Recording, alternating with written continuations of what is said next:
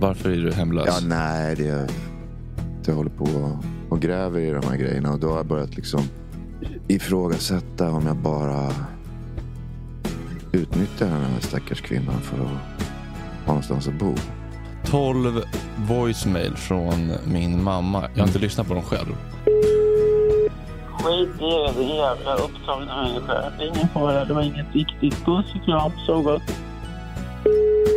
Jag ska bara säga att jag åker till akuten nu för nu har lungorna pajat ihop fullständigt. Hej då. Hej, hej. Vi hörs om jag överlever. Hej. Jag får eh, självmordstankar.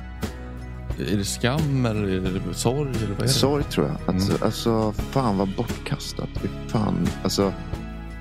Jag bara känner att, eh, att jag kastar bort livet. Vi ska prata om våra sexlistor. Alla vi har legat med, alla vi har varit ihop med. Och jag var lite kär tror jag. Och sen så kommer jag ihåg att jag går in i en annan del av baren. Och sitter han där och hånglar med en annan kille. Ja, men jag hade inte, sen hade inte jag sex honom förrän jag gick i nian.